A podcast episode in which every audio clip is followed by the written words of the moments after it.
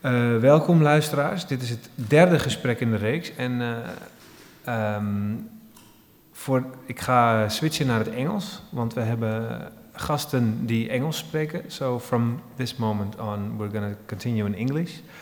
Welcome listeners and welcome audience in, and welcome to our two guests in uh, Frascati 3. We have a, a program. I've already told it on the before the the beginning of the the two interviews uh, we did earlier this uh, this night. Uh, Endings is a is a, uh, a three day uh, program about uh, saying goodbye, about looking back, and there's a number of a number of eight artists and theater makers who are invited yeah. to interview someone that means a lot to them, that is, has been an insp inspiration, a teacher, or an, uh, well, so, and you, Ogutu, uh, have invited someone. Ogutu is, uh, is a writer. You're originally from uh, Kenya. Yeah. And he's a writer, a storyteller, a theater maker. He's uh, studying at DasArts at the moment.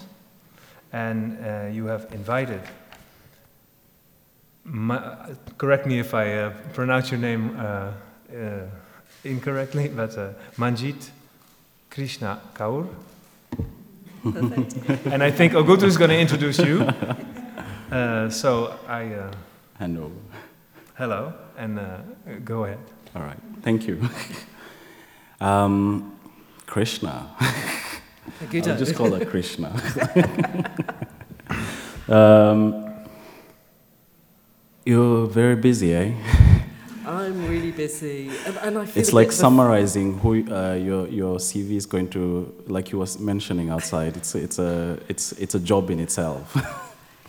it's it's a wonderful time to be me. Absolutely. Great. um, I've waited a long time. Um, my guest is Krishna. Krishna is a writer, journalist, uh, works as a performer, also uh, an activist. Um, uh, wears many hats also as the director of the Fifth Friday Sisterhood, one of the founders of the Mezrab Cultural Center, which was voted one of the most one of the places to visit if you're in Amsterdam. If I, yes. The most culturally diverse venue in the city. In the city. That's us. Uh, and you're a storyteller and writer, studied at DasArts as well. And um, we met two years now it's about two years ago. Yeah. Uh, it was dark, it was the Mezrab, yes. and somebody handed you a mic on the um, free story at the end, and I just heard this echo and thought, forget the bar, I've got to meet this guy. Great. And Krishna, you've been busy recently as well. You, you've had a show with uh, Shifting Spaces at W139. You have you're, you're what? What is it? You're, you're declaring uh, you must make your death public. I am. I'm declaring you must make your death public at the, at Apple. the Apple Gallery. yes. and uh, of course, you're also involved with the University of Kallan. Uh, and also, you have your PhD going as well. I'm doing the research and I'm begging institutes to allow me to squat. Yes. Great. so, the way we've divided uh, the evening. We'll just do it in chapters and we'll follow a list of music that are inspiration to Krishna. And then within that, weave in uh, the topics of aging, politics, because we're both keen on that, on that, and also growing up as well, uh, and sort of the memories as well, and, and we take it from there. So, our first chapter is UB40. Because why not? Indeed.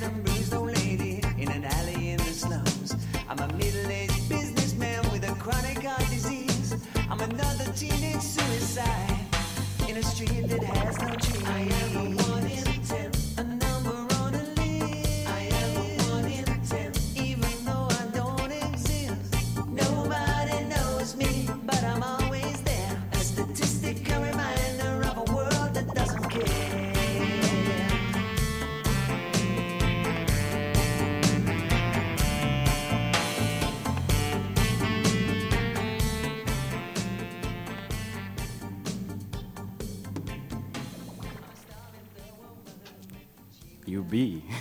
UB40. Tell us, what's uh, why this song? Well, this song, uh, for a start, as um, young schoolboys, these lads used to come into my brother's cafe, and they would uh, buy Where is this? in Birmingham, in Okay. Small Heath. Mm. And um, up until this time, I didn't know I had an identity crisis. Yeah. I just thought I was a Brummie. You know, I was- I was, just from Birmingham. Yeah. Um, nobody referred to me as Indian or, or different. Um, and Birmingham at the time, in the sort of early 70s, ska music was coming. Yeah. And it was two tone, and the Handsworth Revolution was bubbling. So the children of this first wave of immigrants that came post Second World War Yeah. were looking forward to a world where their parents had come for jobs, but actually all those factories were now going to be closed down because modernization was happening, automation was coming, and so we were growing up without jobs in front of us, yeah. which didn't mean anything to me because I was born in a fundamental culture underneath a veil. And my marriage was being arranged. Yeah. So at 15, I knew I was going to have a husband and have children. And these lads would come into my brother's cafe and they would buy cigarettes in ones and they would buy three cups of tea between six of them and sit there all morning. Yeah. And they could barely read and write and they were scribbling these lyrics onto pieces of paper. And my brother had other customers and every now and again he'd say, Don't you have schools to go to? And when they would leave, I would help my brother clean up the cafe, and we would find these bits of paper. Yeah. And uh, I could barely read, but I could figure out this, this, this is something. It's poetry, it's prose, it's, it's words. But they would do this all day Yeah. rather than go and get their school. And they would be getting in trouble for it. And how did you, uh, how's the movement to, to, from India to, to Birmingham? Well, my father, um, yeah, this, this is the, the basic crux of the matter. Yeah. I am the end of a generation of migration from colonial countries, or Commonwealth countries, we call them in Britain, not yeah. colonial countries, uh, who'd all taken part in the Second World War and had been promised independence from, for India and a place for Commonwealth citizens to rebuild Britain after the Second World War. So my father came as a, as a priest, as a community leader of Sikhs, along with Muslim imams and other community leaders to make these little churches or little synagogues or little places that men Yeah. come to in the 60s to first start finding work in factories. Yeah. And in Birmingham, they had done up London, but they had not done up the North Country because they had a different plan for it. I grew up outside a factory called BSA. which is British Small Arms, which had been bombed quite heavily in yeah. the Second World War. So um, this industry was being kept a little bit alive by making motorbikes, but actually it was going to morph into what they called later Coventry the car industry. Yeah. So they needed unskilled men to come and work in these factories, and West Indians, Asians, all over the Commonwealth, people came to fill these factories. There's a, there's a line in the song which says, uh, Nobody knows me, but I'm always there. Yeah. Um, I was struck by this line, especially um, given that you're a migrant in, in Birmingham, and also the position of being a woman as well, and at the same time living in, this, in a Sikh community which is very closed as well. And also being illiterate, Yeah. uh, because if you haven't had exposure to education, um, at the time I didn't know it, but outside the front door it was like a Lowry painting. Yeah. It was old men in cloth caps going into factories that were smoking black smoke. And inside the house, it was feudal, medieval India where we all sat on the floor, ate with our fingers off one big plate. How are you reconciling this sort of very stark differences as well? And, Would- and at the same time, coming into this position where you're now sort starting to become aware through, this, through the songs as well, through getting these relics through your brother's space. Well, the, the fact that I wasn't a male and that I was penis envying these males who were learning to write and read and they could get on stages and play their songs. Yeah. Whereas my fate was very locked into this um, life of. At 15, I was presented with a man of 25 who Yeah. I'd never met, Yeah. and I bore him two children. So it was a kind of an out of body experience if I think about it now. Yeah. At the time, my mother, my, my sisters, my aunts, my, every, everybody around me lived this way. So this was this white world that was outside the front door. And it was like a parallel universe. Yeah. Um, you interacted with it primarily now that I realise that oppression, uh, which is dogma rather than uh, physical oppression, there were no chains on the, the door. Nobody was holding a gun to my head. When I went out to school, I came back voluntarily to my father's house. Yeah. So when you don't know, you really don't know. So there, there was no, I, I didn't question it. That was Yeah. white people, that was their world. But this was the real world inside Yeah. the house. Men sat in one room, women sat in another room, women cooked and had babies, men dealt with whatever men did, Yeah. which was organizing the world. So I didn't see any gender conflict, I didn't see any um, problem. At what point um, in that very complicated setup did you start to say, because you were married already and you had your first child at what age? 16. 16. I had a second by the time I was 17. Yeah. And at what point um, did you start to see this social, this uh, sort of cultural template and want to get out? Well, my marriage was very political because um, in the 70s, Sikhism was going through a change in India.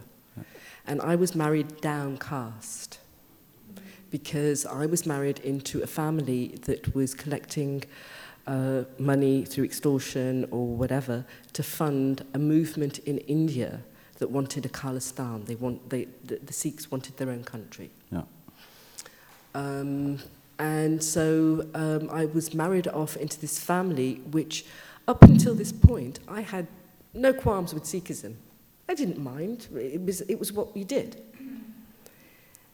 Marrying into this family where the house of God, you know, we ran the God shop, birthdays and marriages. Yeah. That's what you did. So, um, although I was illiterate, I knew the Word of God, I understood it, I preserved it. Um, as a good wife, I, I behaved correctly.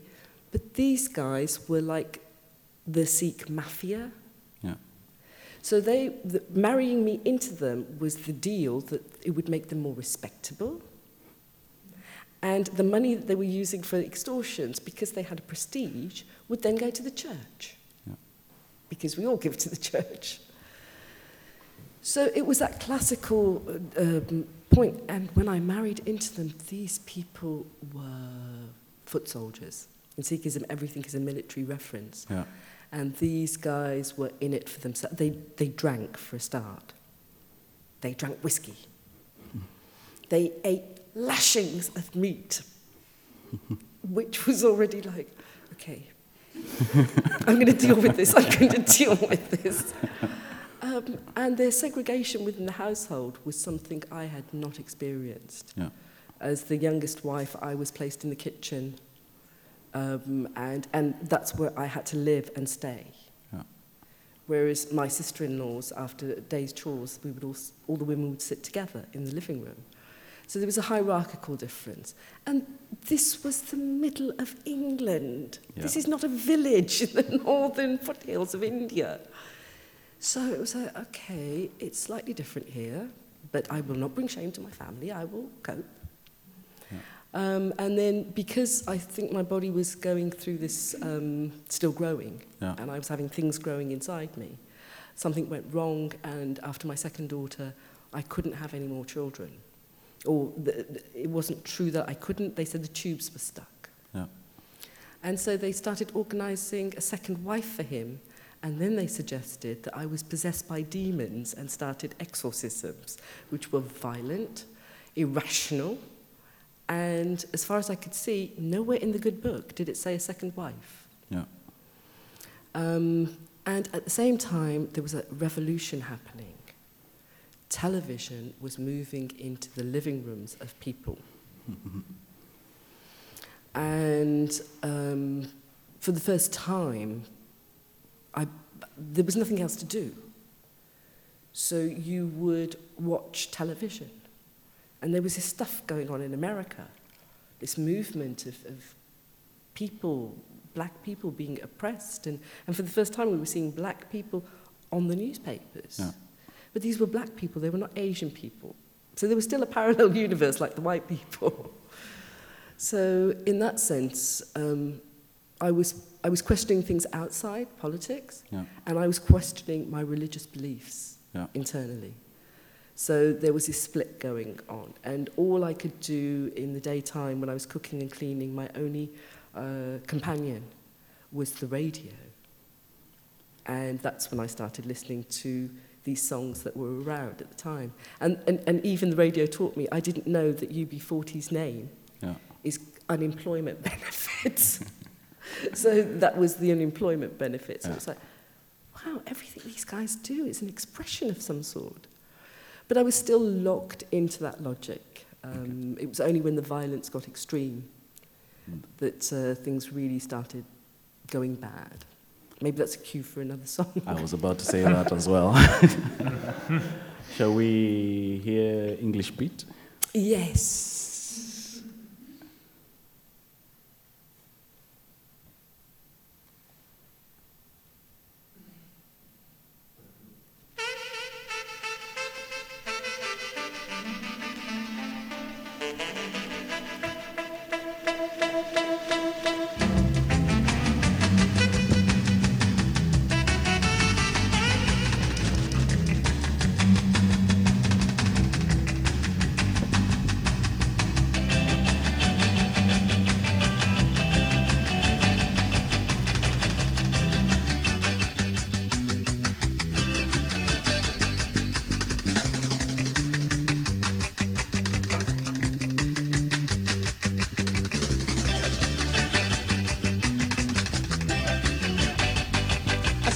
See no joy, I see only sorrow. I see no chance for your bright new tomorrow. So stand down, Margaret, stand down, please stand down. Stand down, Margaret, stand down, please stand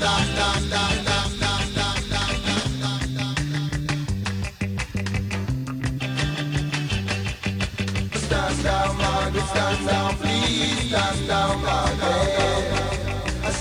Down, Margaret, stand down, please stand down.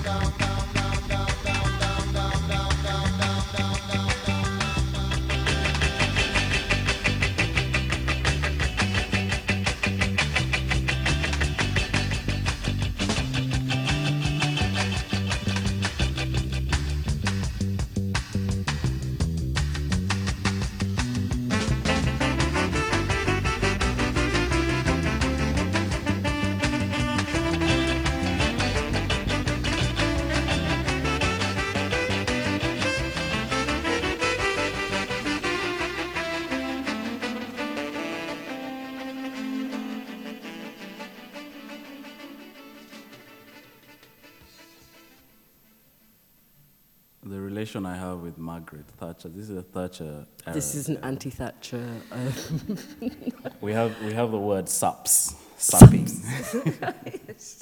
sapping Africa. This is the time of the structural adjustment programs. Lots of uh, uh, imposing of um, sort of economic ties from. There was a transition from the colonial that was now transitioning into economic ties, and there was request to devalue your currency, to privatize, to open up your markets, to put spending ceilings and all these cutbacks and at the same time. So uh, this was the era, isn't it? this was yeah, and these guys are saying stand up. Was this the time also for you that you were yeah, that you were standing up for yourself in a, in a way and For me, it's poignant, absolutely. The words, um, I remember hoovering with the earphones on, yeah, singing this really, really loudly. Uh, because uh, I married in 1975. And I left uh, this cultural background because of the violence. I ended up in a Life from a Life house, a, a women's aid refuge. Yeah. Um, and I told them I'm coming for a rest. And they said, uh, why? And I said, well, he's my husband, duh.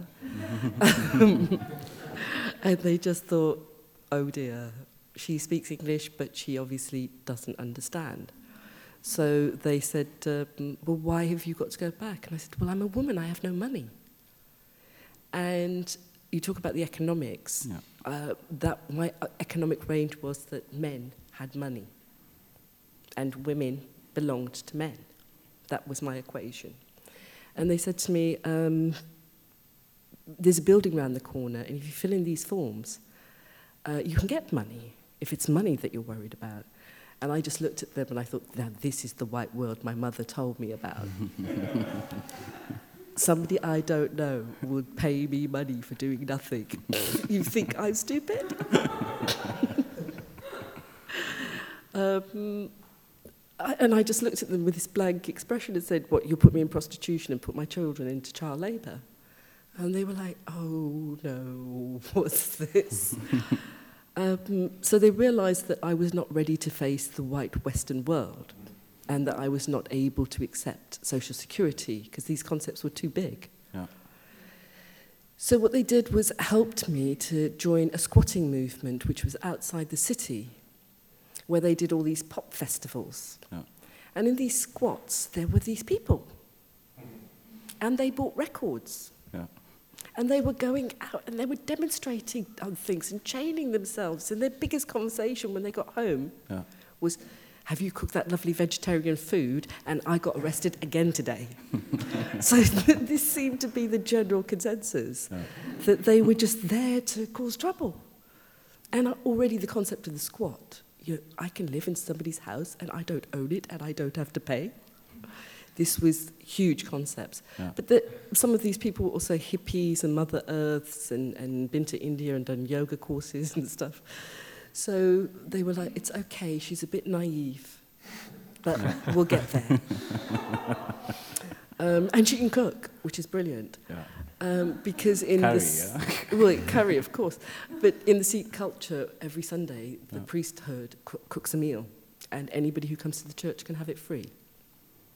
So I, I was able to cook vegetarian food for about 500 people on my own, and they played these records and they danced to them and they lit fires and they smoked marijuana and they wore rainbow colored clothes and they were different from the people I'd seen on television, Yeah. which were all kind of soap operas or news programs and stuff. How are you processing all this, ha- having come from this very intense, oppressive uh, state to a now completely liberal, In know, this freedom. yeah, freedom? How are you? Well, this is the first time that I was seen Yes. as Indian. Yeah, And this is an important moment in my life. yeah, because it was like, um, oh, well, you can start a business because I can cook. And there were all these festivals for Nicaragua, uh, benefits and in fields with lots of pop bands and stuff. So I felt like I'd joined a troubadour kind of life. They were very warm towards me, and all their work seemed to revolve around politics, but they needed food to gather around. So I became this hub where all this political stuff was going around. And it, so it was like being a viewer. Yeah. I felt like I was very much still under the veil. I was still looking out because I wasn't partaking in it, because I was being defined at, as Indian. Yeah. And I had this role. And it was an almighty role. Yeah. Um, in my first novel, I write about it in, in chapter 12 is hilarious because the first meeting, the first house meeting I ever went to was about, it was called the shit meeting.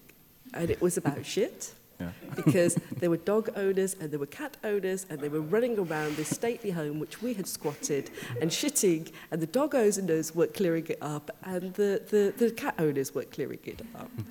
and so I got this note and I had to go and sit there and they had an agenda and they were going to vote and stuff. I was like, this is my first experience of politics. This is great.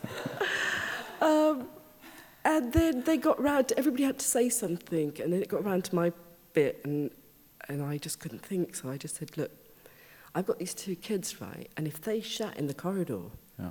then I think all of you would agree that it's my job to clear it up. So why don't we all clean up once, and then maybe we have a rota to keep people from getting the animals not to shit inside. and it was like the Holy Grail had spoken.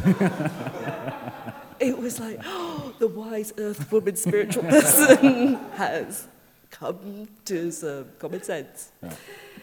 So the irony for me was that whereas I didn't have this identity, No. This identity was now giving me this elevated position. Yeah. But it was a fake thing. It was I'd never I, I, I still couldn't see myself as this person as they saw me. Yeah. So it was still the white people's world. And keeping my children safe and then one day somehow being back in the Sikh community if, if I worked it. There was this logic because I didn't have anything to hold on to. Um, but that was up until the point the children had not yet started school. And that Uh, was going to be the next step. What was the turning point in this in this in this period? In this period, I think it was, um, I had been cooking for these festivals. And somebody at the festival came and said, Could you cook for us? We are the Women's Trade Union. And we're going to have a conference in London, and we like some vegetarian food. And I went and cooked for this trade union women's conference where there were women's groups from every form of logic and then some Yeah. pregnancy, uh, disabled women, uh, lesbians. Th- th- it was just an array. And I met a theatre company called Cunning Stunts. Yeah. They're responsible for a lot. Try and say that when you've had a few gin and tonics. Yeah. Shall we play another song? Absolutely. Jill?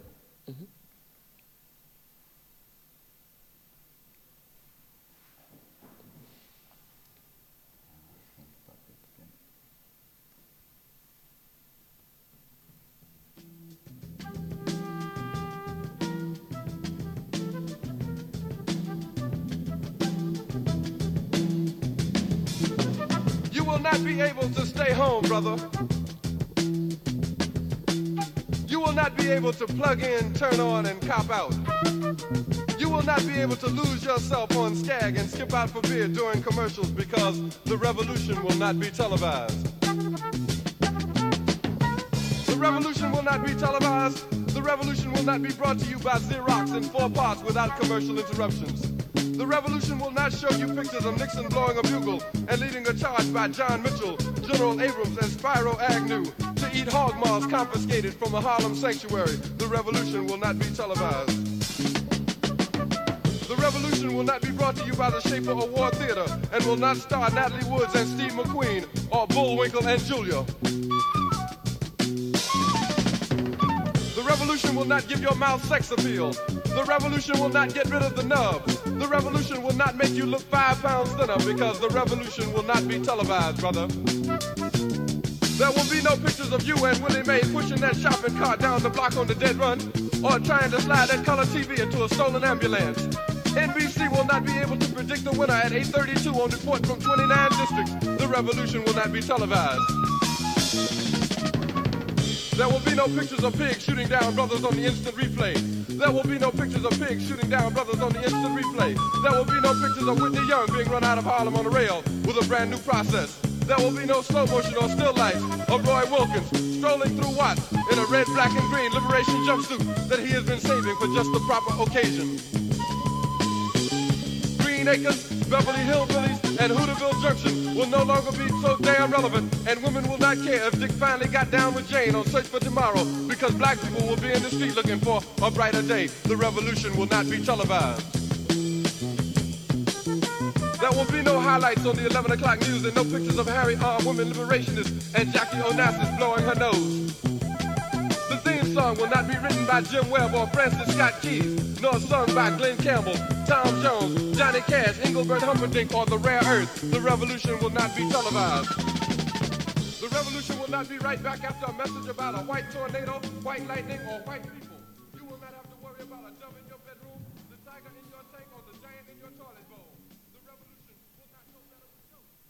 Gil Scott Heron. Yeah.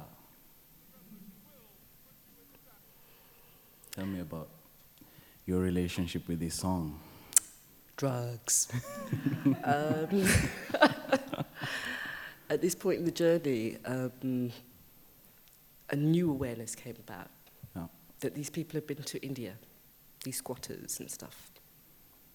And they had turned, dropped out, and turned on, and it, in this kind of very 60s metaphor. So their India was very different from my India. And on top of that, soma or cannabis or marijuana as we know it um, did something different for them because my use of marijuana had only ever been in ritual context yeah. for holi in Bangladesh or uh, bellyache when you're a child you get a little bit of fennel and a bit of marijuana yeah. it makes relaxes the stomach you go to sleep. Um, occasionally, pregnant women were giving it as a relief for the body circulation. So they were medicinal and there were religious re reasons for using it. So it had been a function in my life, all my life. And these people were putting it into big canisters and smoking it. And then they were listening to this jazz and this political prose, and they were going somewhere else. Yeah.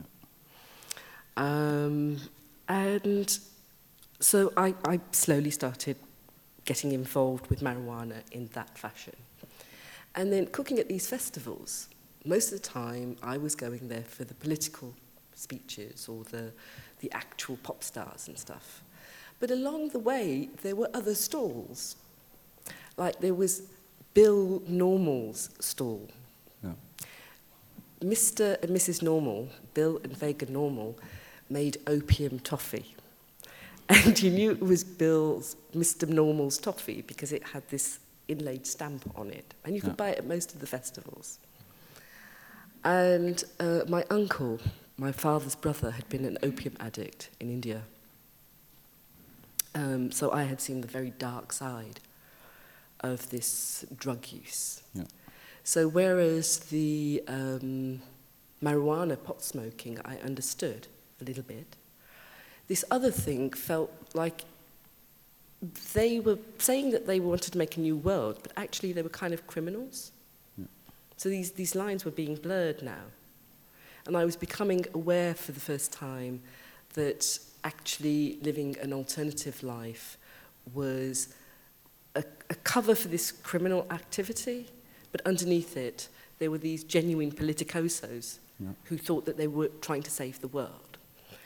And this route, kind of in a, a way, I think uh, this song, as well as um, the following one, made me first realize that America and Britain are very different places. Because they had had this civil rights movement, because slavery had affected the mass migration of most, of peop most people of colour to that country.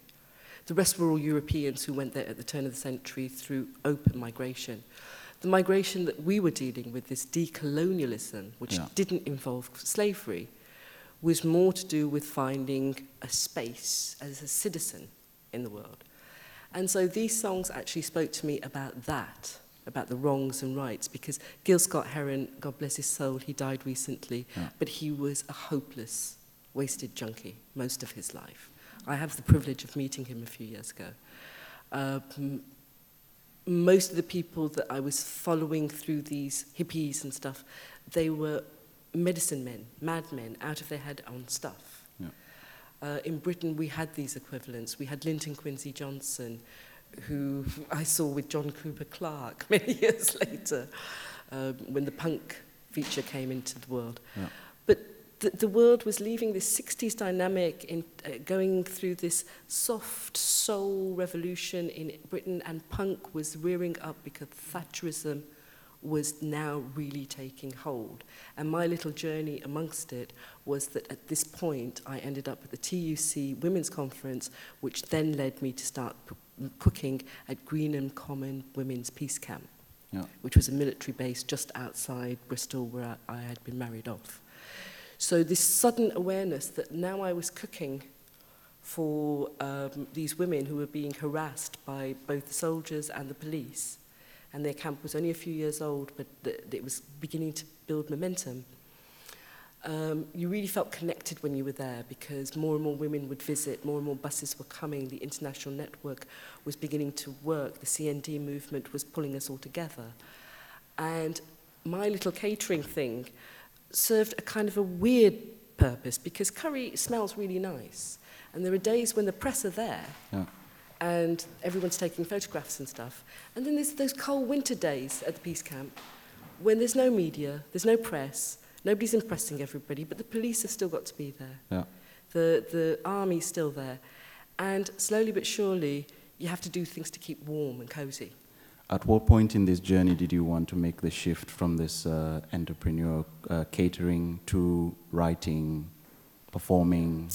Well, And, when I uh, told people that at my little stall, policemen would buy their tea and coffee in the middle of the night, the women would buy their curries, and even the American soldiers that would be passing on their tents were so enamored by the smell they would come out. It was like a little United Nations around my little stall. Yeah. And when I would tell people this story, this, this like, she's weird.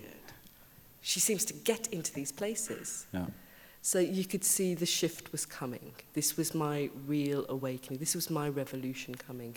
And now I was no longer so starry eyed. The children were going to school.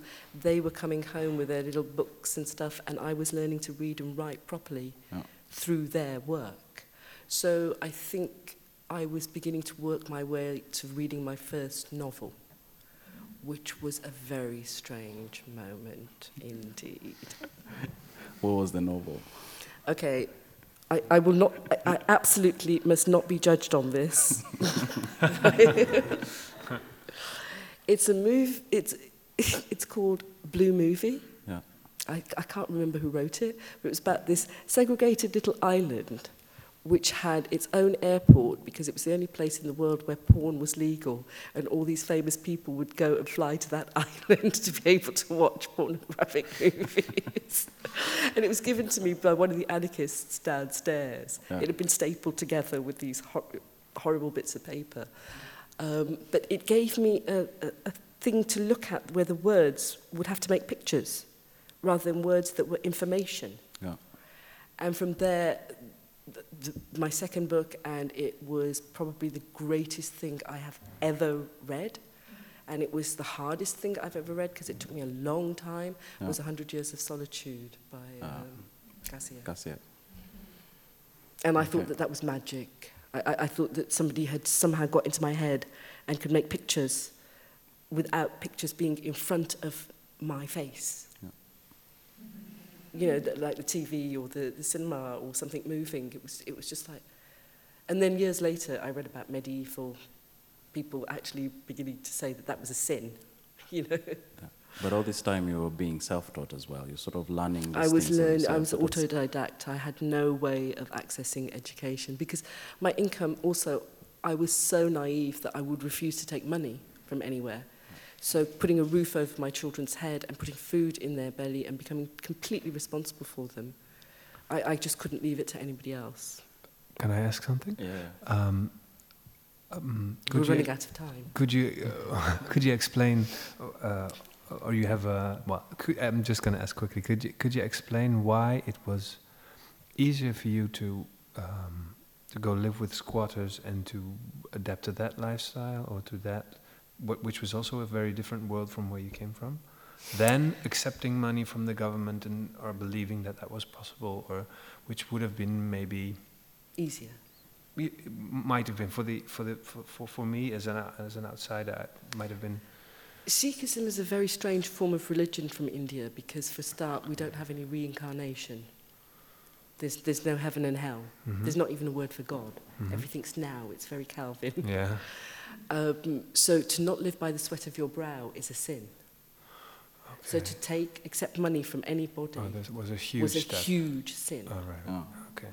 Um, and secondly, and more importantly, I had lived in Birmingham where there was a massive multicultural society, but the family that I was married into was in the southwest of England, in Bristol, in the right. very early 70s, yeah. where they were the minority of minorities.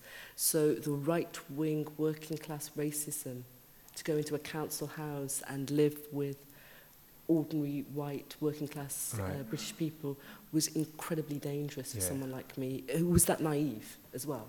Because I was incredibly naive. Mm.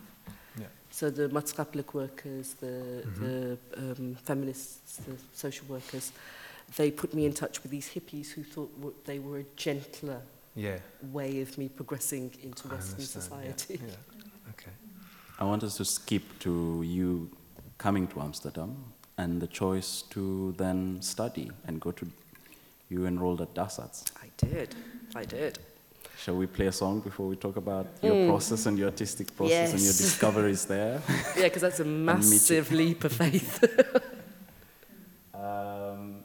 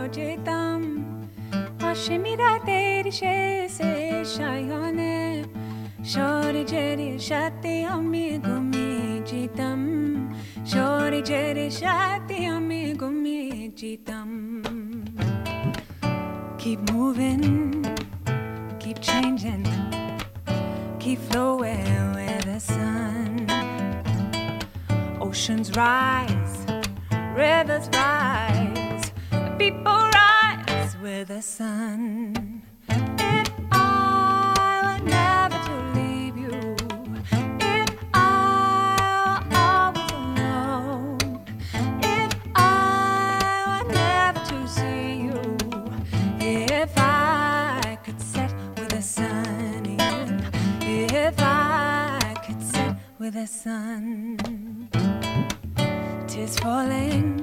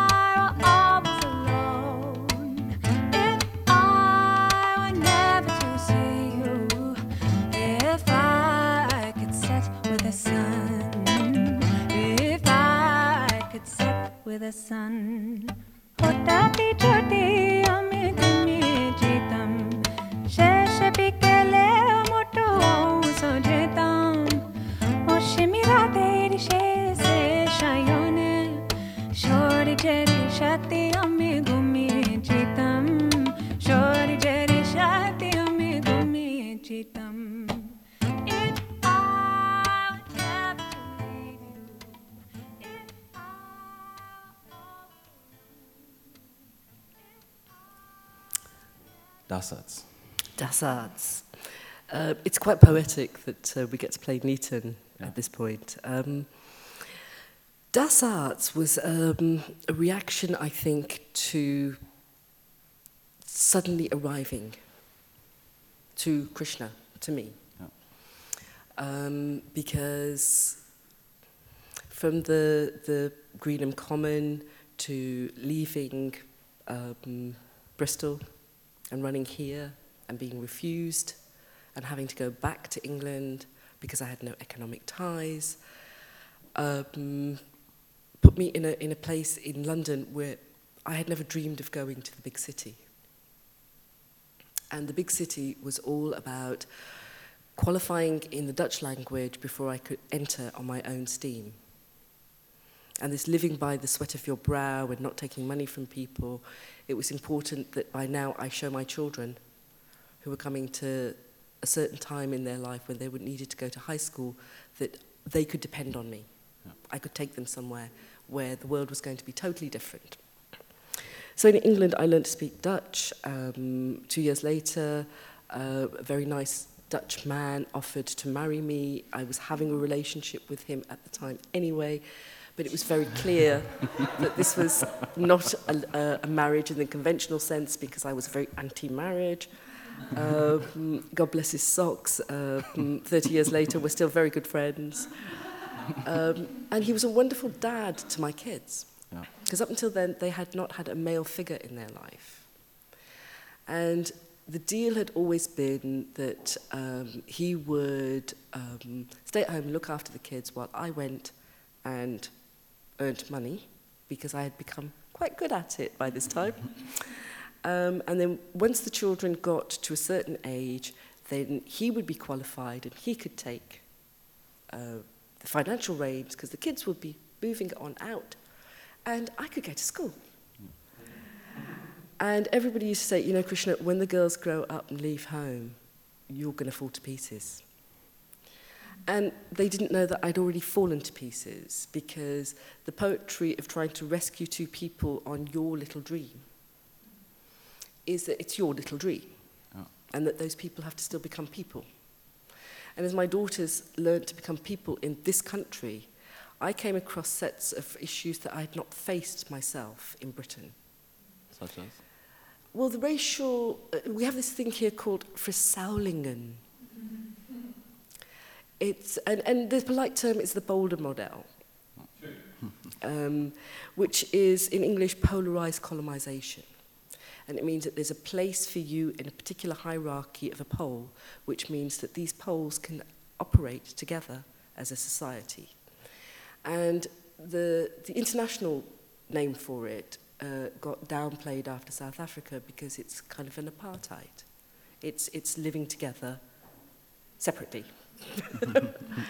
and my children and I, we didn't fit into any of those boxes. We were not from Suriname. Yeah. And that's a very important part of the structural story. And we weren't Hindustans. We, did, we were not Hindus. Yeah. So there were no Gurdwara, there were no churches. That, I mean, I'm sorry, I, I know I'm a Sikh and I know we're cold minded, but any culture that's got 300 million gods really isn't with the program.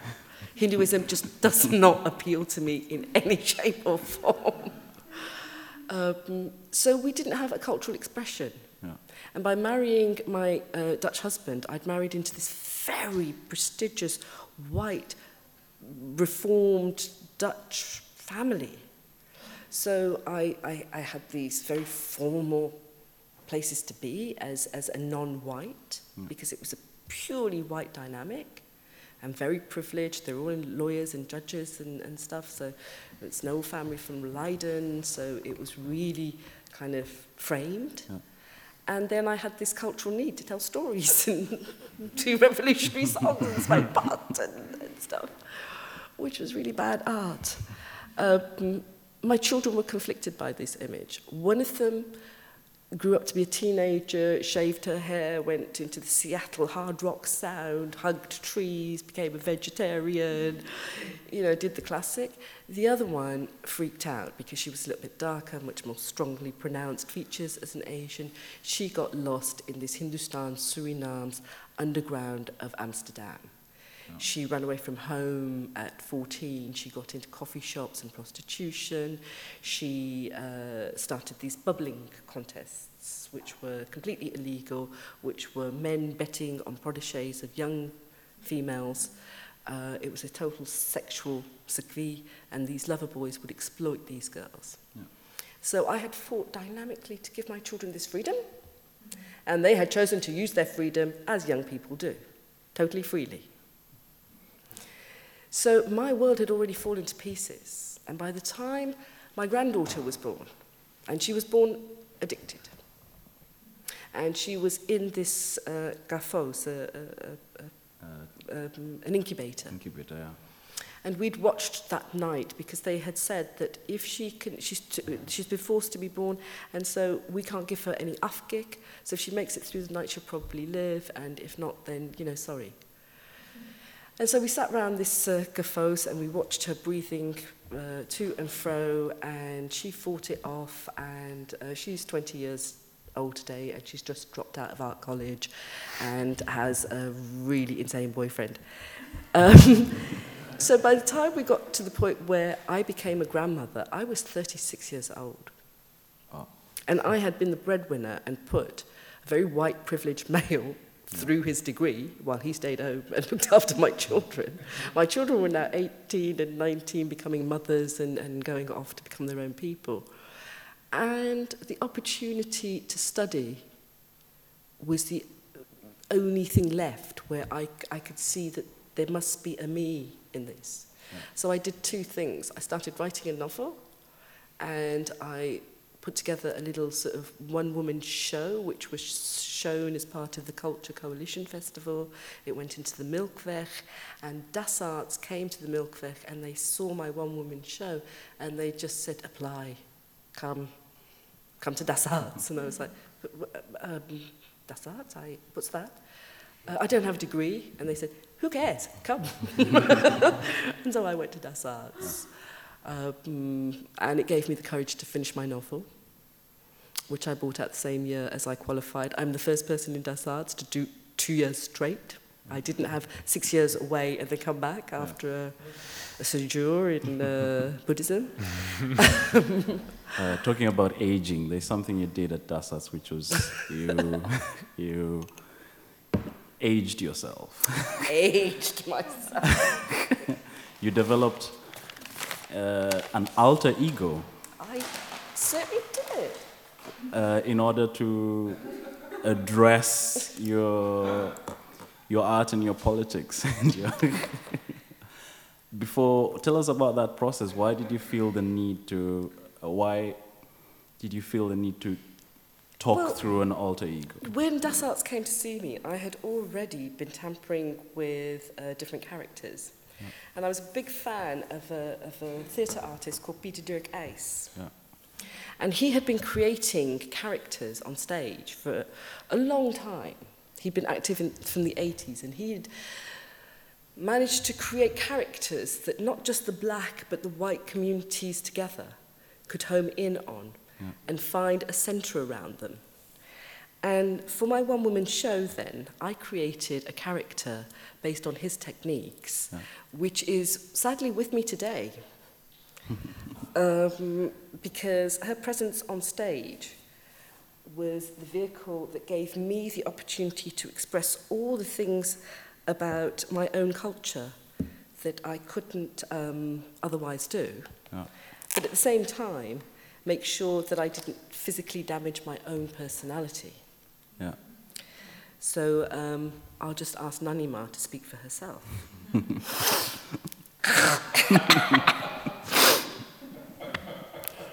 Good evening, Aguto. Hello. Th- thank you. Thank you for inviting me. I can enlighten you by so many things, you know. You Uh, see, Nanima, what song? Shall we play a song? could you maybe play the revolutionary song for me? The, the Ka- Kala Shakala?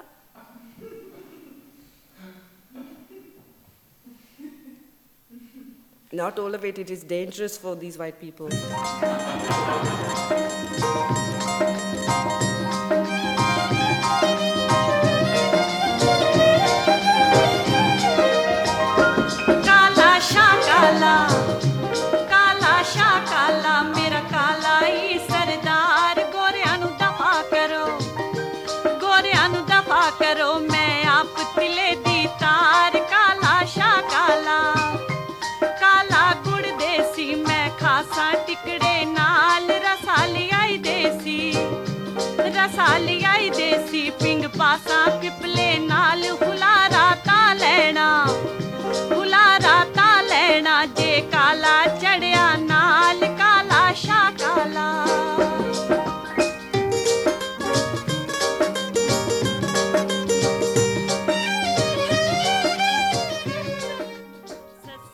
Does this song mean?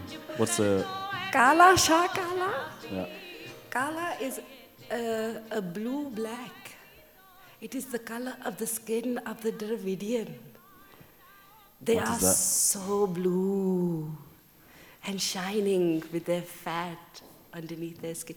The men are juicy. and the Gore, the white people, bony, elbows, legs, nose, oh, terrible, terrible, and the smell. So this song is a dedication to the voluptuous, black, shiny skin of our men, as opposed to these skinny white boys who are scratching their faces to look like girls. What is this? What is this? So you see, it is not racism Mm-hmm. exactly. It is simply is the it? truth. But you must use this quietly because they don't know. Mm-hmm. These white people, they, they don't understand this. They, they, they need to stay covered up and indoors and away from general society, but they simply don't know this. So we are educating them sometimes by allowing them to come and join us, Yeah. and then we tell them how white they are with songs like this.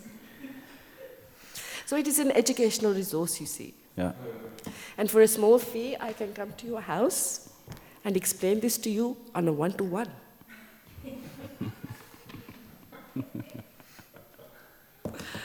As you can see, she's an incredibly offensive old woman. Yes. Um, it's also uh, um, strange to see also playing uh, a stereotype as well. a stereotype which, when I created her in 1999, was an incredibly useful vehicle. Yeah. Because, you know, everybody has offensive old people. And they're, they're prone to dementia and Alzheimer's. So you really can't actually stop them. Yeah. But she was also the vanguard of the movement of microcredit, which I'm very active in, yeah. in developing countries, and which is, Dassault is actually responsible for, because the block I did, Block 14, was entitled um, Globalization and Money. Yeah. And we had um, someone come from the Grameen Bank. We had, no, we had 11 economists come for five-day workshops, and then we would have to do two-day performance responses. And that's how intense the block was. Um, many of, of the group struggled because economics isn't sexy. But I am a good Indian shop girl and have five brothers, and we ran the God shop, so I know everything about money. Yeah.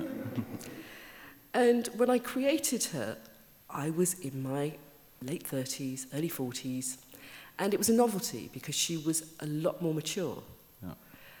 Um, lately, now that she's got prestige and she's visited the World Economic Forum, the opening of the UN, she's had entire shows at Adi Edomatius all on her own. Yeah. She can really give welly.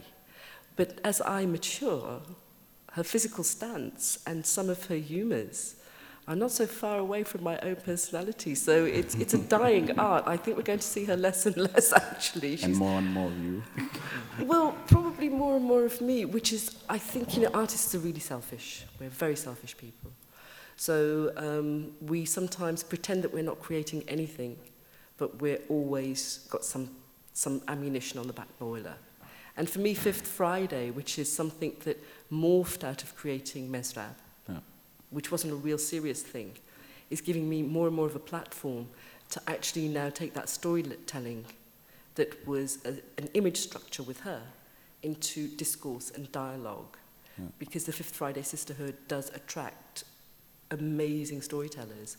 Uh, we've had the directors of house schools from uh, um, Gunst come and actually tell stories. And then absolute beginners who've just got off a boat from Syria. But women with powerful identity issues that their story will be invisible, it will be missed. So what she was able to do en masse and take the hypocrisy out of the microcredit. She, everyone wants to give her money. Everybody wants to help Nanima. But they don't want to socialize with her. Yeah. They don't want to go and have a beer with her. When she goes to the Bali and rolls up a cigarette and takes a beer, there's always a space around her. But the women that I'm platforming now and that I'm working with who give me their work and we work together in these laboratories and create these platforms of storytelling, they are genuinely someone you want to get drunk with and learn from and exchange and share with. Do you feel now that uh, you're in your early 60s that you've sort of reconcile your identity, having moved from all these different places, and you found your voice both as an artist and as a as Krishna? I think that there are always going to be anomalies because I think in the end I'm always going to be that housewife from Birmingham, somewhere deep down inside. Yeah. Because I think that your, your most formidable years are those where you learn language, where you learn um, aspects of how the world is. My greatest asset is that I grew up in Birmingham. It's Shakespeare land. Yeah. It really is where the bard grew up, created his words. Um, the music in the Brummie accent is as close to meter as you're ever going to get. So the storytelling is in me from all aspects. The fact that I use it to, to reach out of my own identity – or, or search for it. Mm. That's a forever journey. I don't think any artist is going to admit to coming to terms with it. Yeah. But that there are new doors in front of me that I never dreamed of that's still exciting. So um, I do feel that I'm at a different point. I'm hoping the research with the PhD will lead me to that. Could you tell us a bit about that research with the PhD? The PhD is basically, I had to deconstruct the work of um, an economist called um, Lewis Hyde, one of the books that we were given. And Lewis mm. actually came to the block at Das Arts. And for a long time, I didn't think his work was of any interest to me. But then I realized the book itself, The Gift, it's called The Gift, Yeah. uh, The Exotic Attraction of Possession, attempted to quantify um, anthropology from a white male privilege point of view. And he termed this, uh, my cultures, cultures that have arranged marriages, gift cultures. I think this word is, is uh, inflammatory. I think it's nonsensical. And I think he missed out one of the most important points, which is that you can only keep giving anthropology a, a, a working frame if you think that evolution has stopped and we are still evolving. Because the book goes on to express an interest in the homogeneous to come, from Homo sapien to Homo economicus. And yeah. his Homo economicus is very different from my Homo economicus. What's your Homo economicus? My Homo economicus is the women that I worked with in Bangladesh who were walking around barefoot with mobile phones in their breast bras and a stopwatch in the other, walking from village to village, doing uh, pay as you call and helping to build an infrastructure. Yeah. So for me, um, his Homo sapien is he, Homo sapien. His Homo sapien defines by th- his world by what he knows, and my Homo economicus is defined by what she knows, and that is what I hope to prove by going through uh, the renal development of young children yeah. uh, born in developing countries who take on new technologies to create economic work for themselves. So, um, I mean, discussions with the London School of Economics and a couple of other institutions um, who are willing to take on the work. So, I hope so. It'll keep me off the streets. Um, just to wrap up, what are you looking forward to now uh, in old age? If In old age, that's a really That's a good really, like, question. yeah, I or maybe actually, um, yeah, what is, is, i do you have a different definition of what it is to grow old, maybe from you? Absolutely, On what is it? absolutely. And what do you look forward to? Um, I think that I could have played out every cliche there is, unless science fiction had not entered my world. Yeah.